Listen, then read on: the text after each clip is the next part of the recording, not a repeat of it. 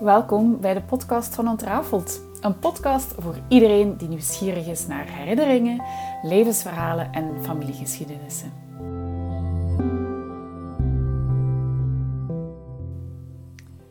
In de eerste aflevering van deze podcast uh, ben ik een beetje met de deur in huis gevallen. Het was meteen een aflevering vol inhoud, uh, zonder dat ik al te veel tijd had gespendeerd aan uh, te vertellen wie ik ben, wat ik doe, uh, en wat ik precies van plan ben uh, met deze podcast. Um, maar dat is een beetje zoals ik onderneem of zoals ik de dingen aanpak. Uh, ik denk daar wel even over na. maar dan probeer ik eigenlijk vooral ehm, te doen, te proberen te experimenteren um, en te kijken wat er werkt, hoe het bij mij past. En ik denk ook in dit geval dat er na verloop van tijd wel iets gepolijster zal worden en ietsje netter opgebouwd uh, zal zijn. En ik laat mij voor elke aflevering inspireren door wat op mijn pad komt, uh, vragen die mij gesteld worden, uh, wat op mijn werktafel ligt, waar, ik, waar ik mee bezig ben of wat ik heb meegemaakt. Um, en op die manier hoop ik eigenlijk iedere week om jou um, iets nieuws um, te laten horen. En in deze aflevering vertel ik je wat meer over mijn rol als personal historian bij Ontrafeld. Een paar weken geleden uh, had ik de eer om te gast te zijn in de podcast uh, Ampersand Rebel Rants.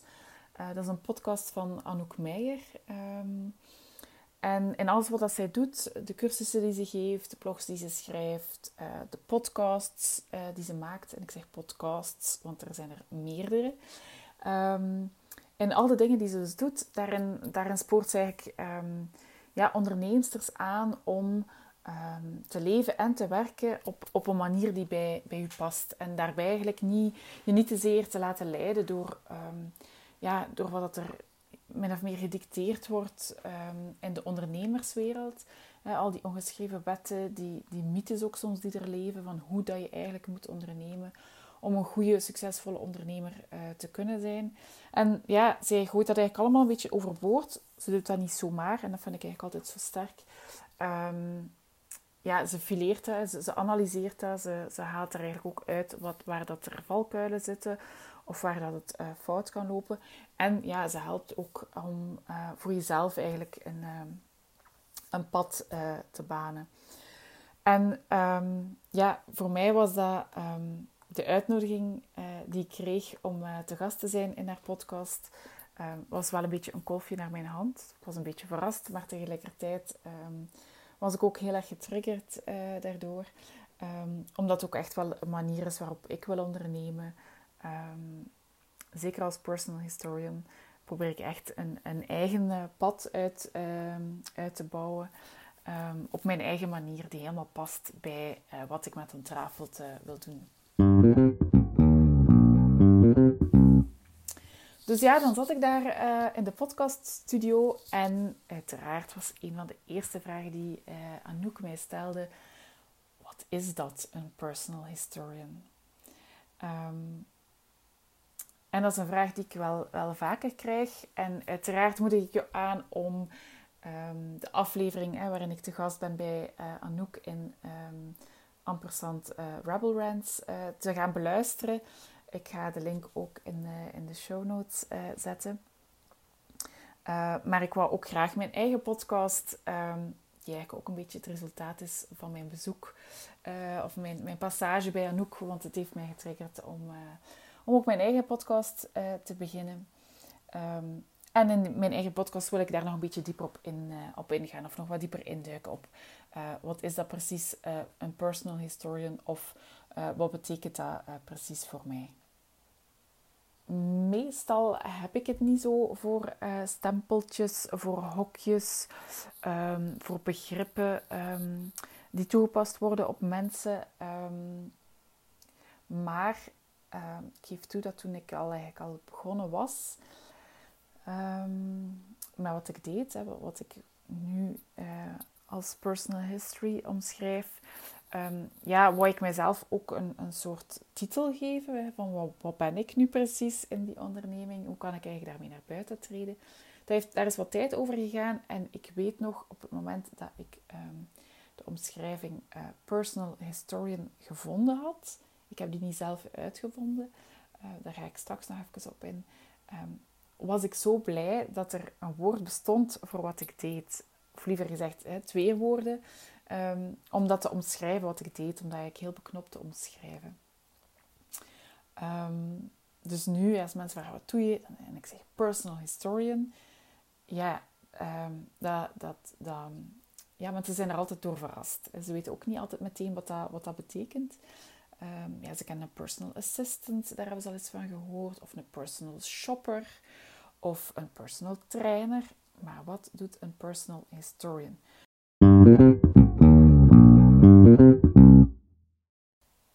Op zich is het... Um, is het ja, een beetje gelijkaardig aan wat die personal assistant, shopper of trainer dan doet. Die gaat op een persoonlijke manier uh, voor een individu, een persoon op zich, iets doen. Bij een uh, shopper gaat hij voor jou persoonlijk um, kleren voor het gaan uh, shoppen of gaan kopen die bij jou passen. Of um, een personal trainer gaat ook voor jou een persoonlijk trainingsschema ontwikkelen.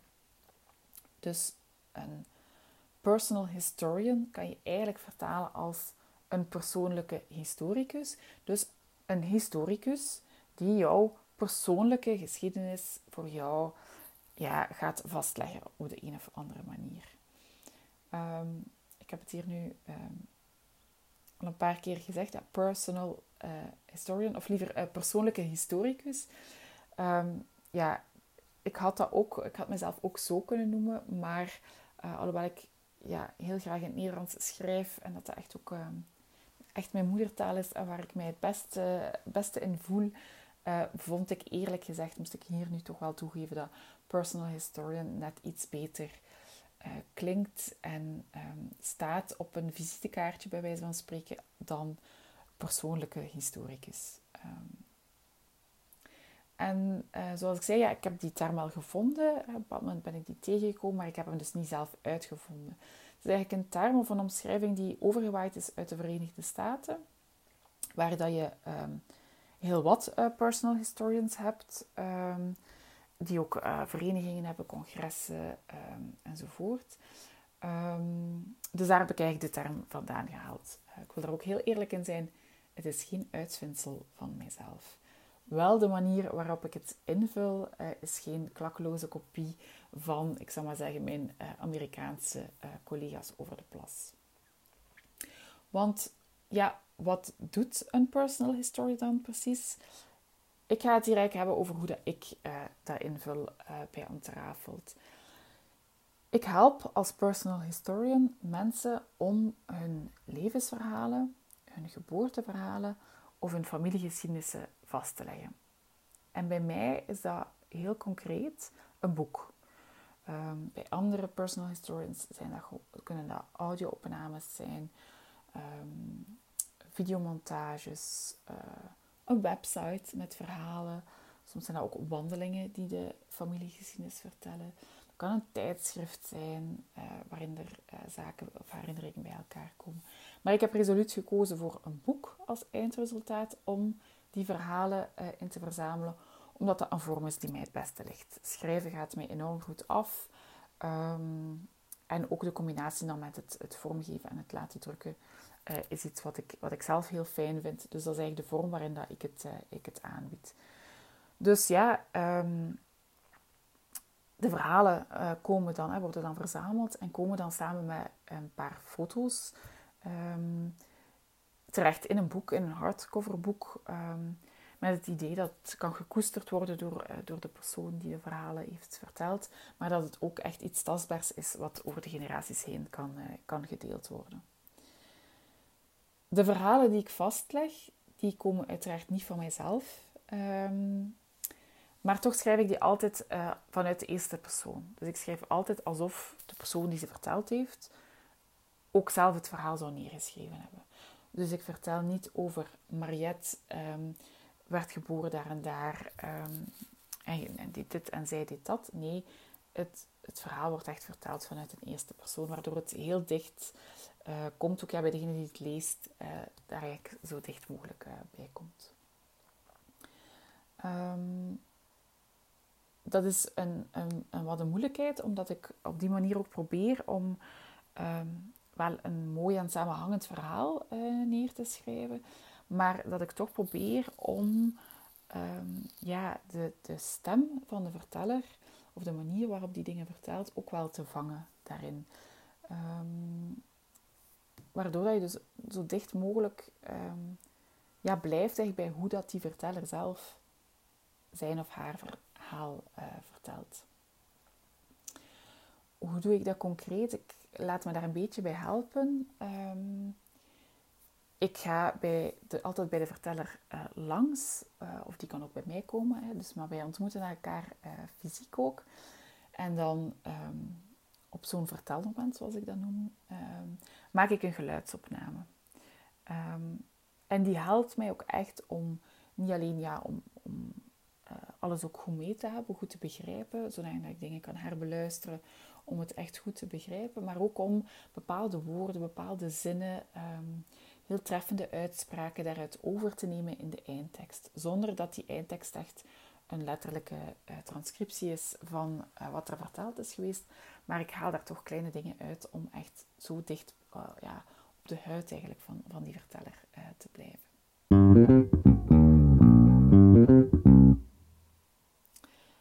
Als personal historian vervul ik eigenlijk een soort sleutelrol tussen die generaties om dat verhaal door te geven.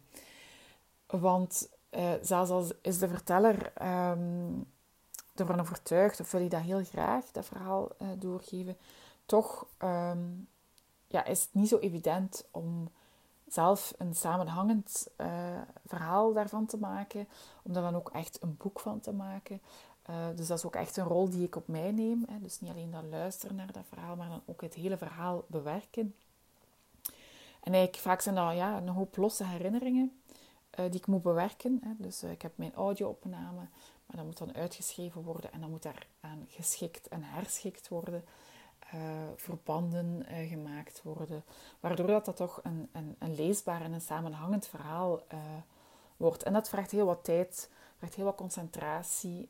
Um, en ja, dan moet daar ook nog redactie op gebeuren. En ja, al die stappen is eigenlijk iets wat vaak heel hard onderschat wordt. Um, bij mensen die soms zelf beginnen aan het, aan het schrijven van een verhaal. Um, en dat is eigenlijk het moment, ja, soms lopen mensen daarop vast. Het moment waarop dat ze mij uh, inschakelen, um, omdat ze er zelf eigenlijk uh, niet, door, niet door geraken. Maar ik neem dus al, die, al, die, al die tijd ervoor werk ook altijd maar aan één groot uh, traject, soms samen met een kleiner traject, maar um, ik werk nooit aan meer dan één groot traject tegelijkertijd. Uh, net om ja, de nodige aandacht te kunnen geven aan dat verhaal, om daar ook helemaal in te kunnen duiken. Um, en dat tot een goed einde te brengen, zodat dat op het einde van de rit um, de verteller zijn of haar herinneringen echt ja, in handen houdt, hè, in, in de vorm van een boek dat eigenlijk een soort erfstuk is dat kan doorgegeven worden aan de volgende generaties. Ziezo, dat was het voor vandaag. Uh, ik hoop dat ik jou um, iets um, meer inzicht heb gegeven op wat ik uh, doe als personal historian, wat mijn rol precies is um, waar ik uh, eventueel bij kan helpen. Heb je nog vragen bij de aflevering? Laat het mij dan zeker weten. De show notes um, vind je op uh, www.ontrafeld.be. Vond je deze aflevering de moeite waard om naar te luisteren? Laat dan zeker een review na op Apple Podcasts of op Spotify. Dat helpt andere mensen om uh, deze podcast te ontdekken.